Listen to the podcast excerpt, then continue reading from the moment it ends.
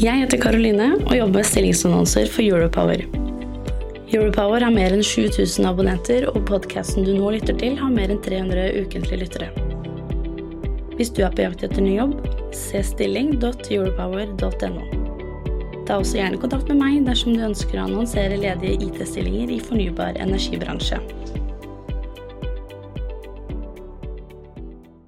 Du lytter til lyden fra en videosending med journalist Magnus Linjære i Europower. Hele sendingen kan du se på europower.no. Hei, og velkommen tilbake til Europowers strømmarkedet på tre minutter. Den siste uken så har det ikke vært noen så store enkelthendelser som har hatt stor eh, effekt på prisene i markedet, men det er litt mer det som skjer både i været og litt sånn eh, makroøkonomisk. Men vi kan begynne med å se på spotprisene. Der ser det ut som uh, områdeprisene har i større grad begynt å sprike. Det kan være at uh, produsentene nå har fått ganske god kontroll på produksjonen, altså i forhold til dette med flom osv. Så, videre. så dermed så har altså NO2, altså Sør-Vestlandet, etablert seg nå som eget prisområde i Sør-Norge, uavhengig av Oslo og Bergen. Det har jo noe med hvor man er tilknyttet til, altså hvilket prisområde som er tilknyttet hvor. Og Sør-Vestlandet er jo der hvor eh, ja, utenlandskablene mot både Danmark, Tyskland, Nederland og England går ut ifra, og dermed får stor prispåvirkning derfra. Østlandet er jo koblet til Sverige, og vi får en god del eh, priseffekter derfra. Og sånn sett så smitter nok det over til Bergen i tillegg. Så ser vi også at uh, Midt-Norge også har skilt noe lag fra Nord-Norge. Det kan jo selvfølgelig være en uh, midlertidig effekt der. Men uh, alle priser litt opp den siste tiden. Det har jo med mindre vind å gjøre og mindre tilsig i vassdragene. Men fremover så ser man også at høy temperatur og for så vidt tørt vær også gjør at uh, snøen i fjellet den smelter litt raskere nå fremover, og det ser ut som det skal komme en ny flomtopp.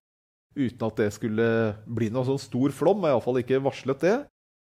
Østlandet er uh, bortimot ferdig med, med tilsigstoppene sine, så den uh, tilsigstoppen her den kommer for så vidt i resten av landet. Dette her kan gi litt press på strømprisene den neste uken. Men eh, i analysene til Energy Quantified så er det i alle fall ikke forventet noen negative priser de kommende 14 dagene. I fremtidsmarkedet så er det derimot en mer klar trend. Der har eh, prisen gått eh, rett opp den siste uka. Og det er ja, to årsaker som det pekes på i markedet. Det ene er jo været, som er tørt og for så vidt varmt, men det er eh, tørken som da har noe å si for fremtiden. Og Det betyr at aktørene nå forventer at eh, ressurssituasjonen i Norge skal være litt svakere fremover enn det som var eh, forutsetningene for en uke eller to siden. I og med at det ikke er nedbør nå, så bruker vi altså av den ressursen som allerede ligger der. I tillegg så har det vært en ganske stor oppgang i gassprisen den siste uken, og det skyldes flere årsaker ifølge markedsaktører. Og Det ene det er at eh, det asiatiske markedet for flytende gass har begynt å bevege på seg. Det er noe interesse, kjøpsinteresse fra Asia på den flytende gassen som Europa i dag importerer. Og Dermed så kan det altså bli litt eh, krig om å sikre seg disse leveransene. Og Dermed så går prisen litt opp. I tillegg så pekes det på at det er noe redusert gasstilførsel fra Nordsjøen til eh, Europa denne uken, og en revisjon på et mottaksanlegg for flytende gass i Frankrike. Så det kan også ha en midlertidig virkning der. Men i alle fall så er det iallfall noe større konkurranse på gass, nå som asiaterne også kommer inn. Men følg med på Europower daglig, så er du oppdatert. Du lytter til lyden fra en videosending med journalist Magnus Linjære i Europower. Hele sendingen kan du se på europower.no.